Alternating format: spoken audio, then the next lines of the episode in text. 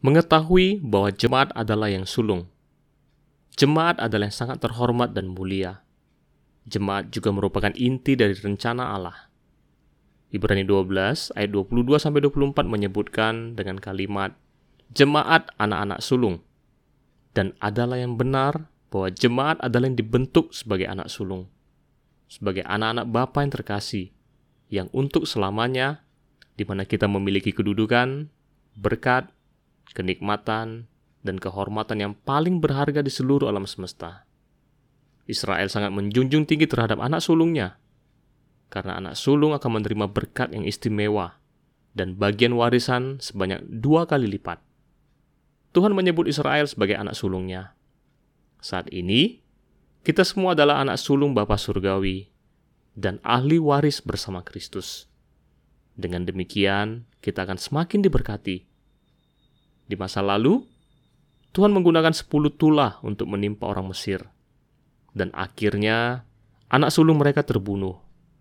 Allah memerintahkan agar masing-masing rumah tangga Israel menyembeli seekor anak domba jantan berumur satu tahun yang tidak bercacat celah dan membubuhkan darahnya pada kedua tiang pintu dan ambang pintu rumah. Para malaikat akan melewati rumah-rumah itu, dan ketika mereka melihat darah itu, maka anak sulung mereka akan lolos dari kematian. Jadi, anak sulung adalah yang dilindungi dan yang ditebus oleh darah anak domba. Dalam masa seribu tahun nanti dan dalam bumi yang baru, Israel akan tetap menjadi pemimpin di antara semua bangsa. Sangatlah berharga karena Tuhan menjadi anak domba Allah yang mencurahkan darahnya dan yang memberikan hidupnya untuk jemaat. Dia menebus kita untuk menjadi miliknya selamanya menjadi anak kesayangannya dan anak-anak kandung Bapa. Dalam kekal nanti, kita akan menjadi raja bersama Tuhan dan mewarisi segalanya. Mengetahui bahwa jemaat adalah anak sulung. Saudara dan saudari, topik harta bagi jiwa hari ini adalah tentang mengetahui bahwa jemaat adalah anak sulung. Ibrani pasal 12 menyebutkan bahwa jemaat adalah kumpulan anak-anak sulung. Artinya bahwa jemaat adalah jemaat anak-anak sulung Menjadi anak sulung menunjukkan bahwa kita mempunyai kedudukan yang penting dalam rencana dan kasih Allah yang kekal. Ini juga menunjukkan akan kehormatan, kemuliaan, berkat, dan kenikmatan dari jemaat. Tuhanlah yang digambarkan dalam perjanjian lama. Sangatlah berharga karena ia telah datang. Dia menumpahkan darahnya bagi kita dan mempersembahkan dirinya satu kali untuk selama-lamanya. Oleh karena itu, saat ini kita tidak perlu lagi mempersembahkan korban. Namun kita dapat menikmati perjanjian baru yang telah dia tetapkan bagi kita. Tuhan adalah perantara perjanjian yang lebih baik. Hari ini, saya ingin secara khusus bersama-samamu membaca beberapa ayat Alkitab yang berhubungan dengan konsep anak sulung. Bagian ini adalah cara yang sangat berharga untuk menggambarkan tentang jemaat. Ibrani 12 ayat 22 sampai 23 berbunyi, "Tetapi kamu sudah datang ke Bukit Sion, ke kota Allah yang hidup, Yerusalem sorgawi, dan kepada beribu-ribu malaikat. Suatu kumpulan yang meriah, dan kepada jemaat anak-anak sulung yang namanya terdaftar di sorga. Mari kita bicara tentang kalimat kumpulan anak-anak sulung. Ini juga dapat diartikan sebagai jemaat anak-anak sulung. Di sini adalah yang berbicara tentang kedudukan jemaat yang agung dan yang mulia di seluruh alam semesta ini dan dalam kehendak serta rencana Allah yang hingga kekal. Nama ini juga memberitahu kita bahwa jemaat adalah yang terdiri dari anak-anak sulung. Sebagai anggota rumah tangga Tuhan, masing-masing kita adalah anak sulung, anak kandung Bapa, dan yang paling dekat dengannya.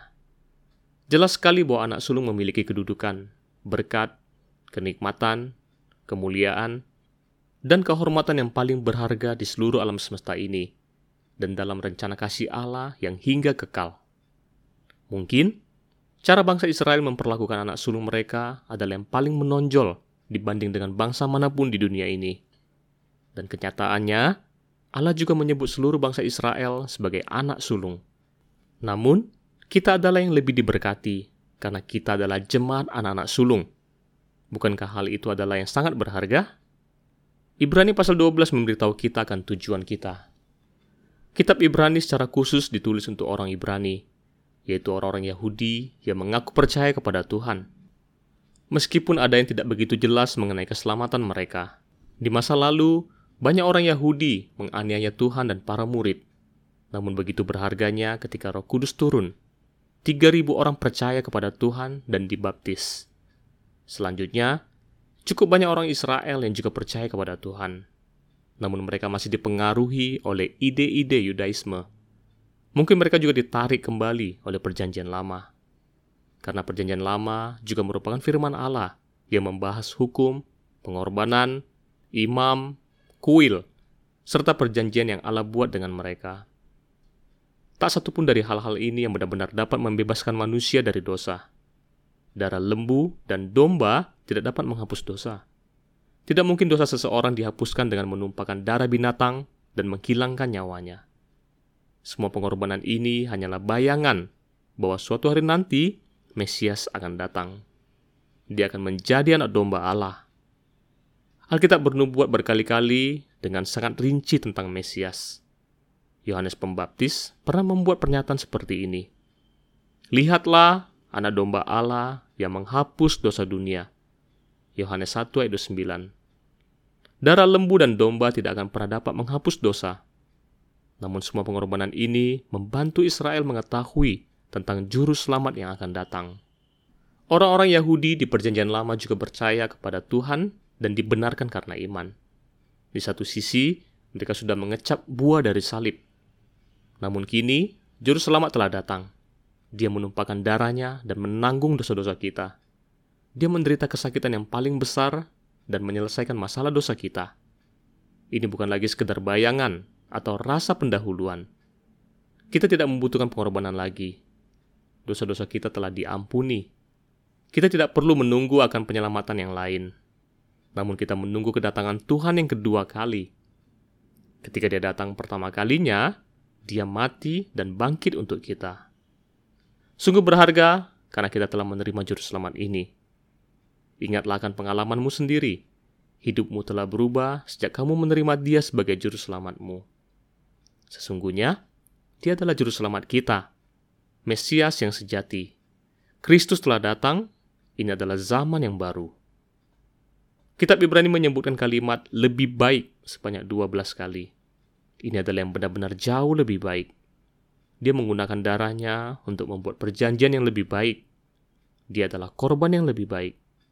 Darahnya yang dipercikkan berbicara, perkataan yang lebih baik daripada darah Habel. Dia adalah imam besar dan dia adalah yang tetap ada untuk selamanya. Yang melebihi semua imam besar yang ada di dunia di zaman perjanjian lama. Dia tidak ada bandingannya. Dia mempersembahkan dirinya sendiri sebagai korban. Ini adalah pengorbanan yang jauh lebih baik dari semua lembu dan domba yang tidak akan pernah dapat dibandingkan dengan dia. Sungguh berharga karena dia telah datang. Dia benar-benar telah mengubah kita. Ini adalah pengalaman kita yang sebenarnya. Pada masa Perjanjian Lama, bangsa Israel adalah umat pilihan Allah. Mereka kurang memahami Alkitab, dan karenanya mereka mulai angkuh dan sombong. Tidak ada keraguan bahwa apa yang dimiliki Israel sangatlah berharga. Namun sebagian besar hanya sekedar bayangan saja. Paulus mengatakan bahwa orang-orang Yahudi memiliki perjanjian lama, namun Tuhan telah menetapkan perjanjian baru. Tuhan adalah perantara perjanjian yang lebih baik. Manakah yang kamu pilih? Pengorbanan hewan dari perjanjian lama atau pengorbanannya yang sempurna yang hanya sekali untuk selama-lamanya? Bangsa Israel pada perjanjian lama memiliki Yerusalem dan bait suci. Saat ini, kita memiliki Yerusalem baru yang surgawi. Berbeda dengan masa lalu, ketika mereka pergi ke Gunung Sinai dengan rasa takut dan gemetar karena tidak memperoleh keselamatan. Saat ini, seperti Alkitab katakan, kita telah tiba di Bukit Sion dan kota Allah yang hidup, Yerusalem surgawi.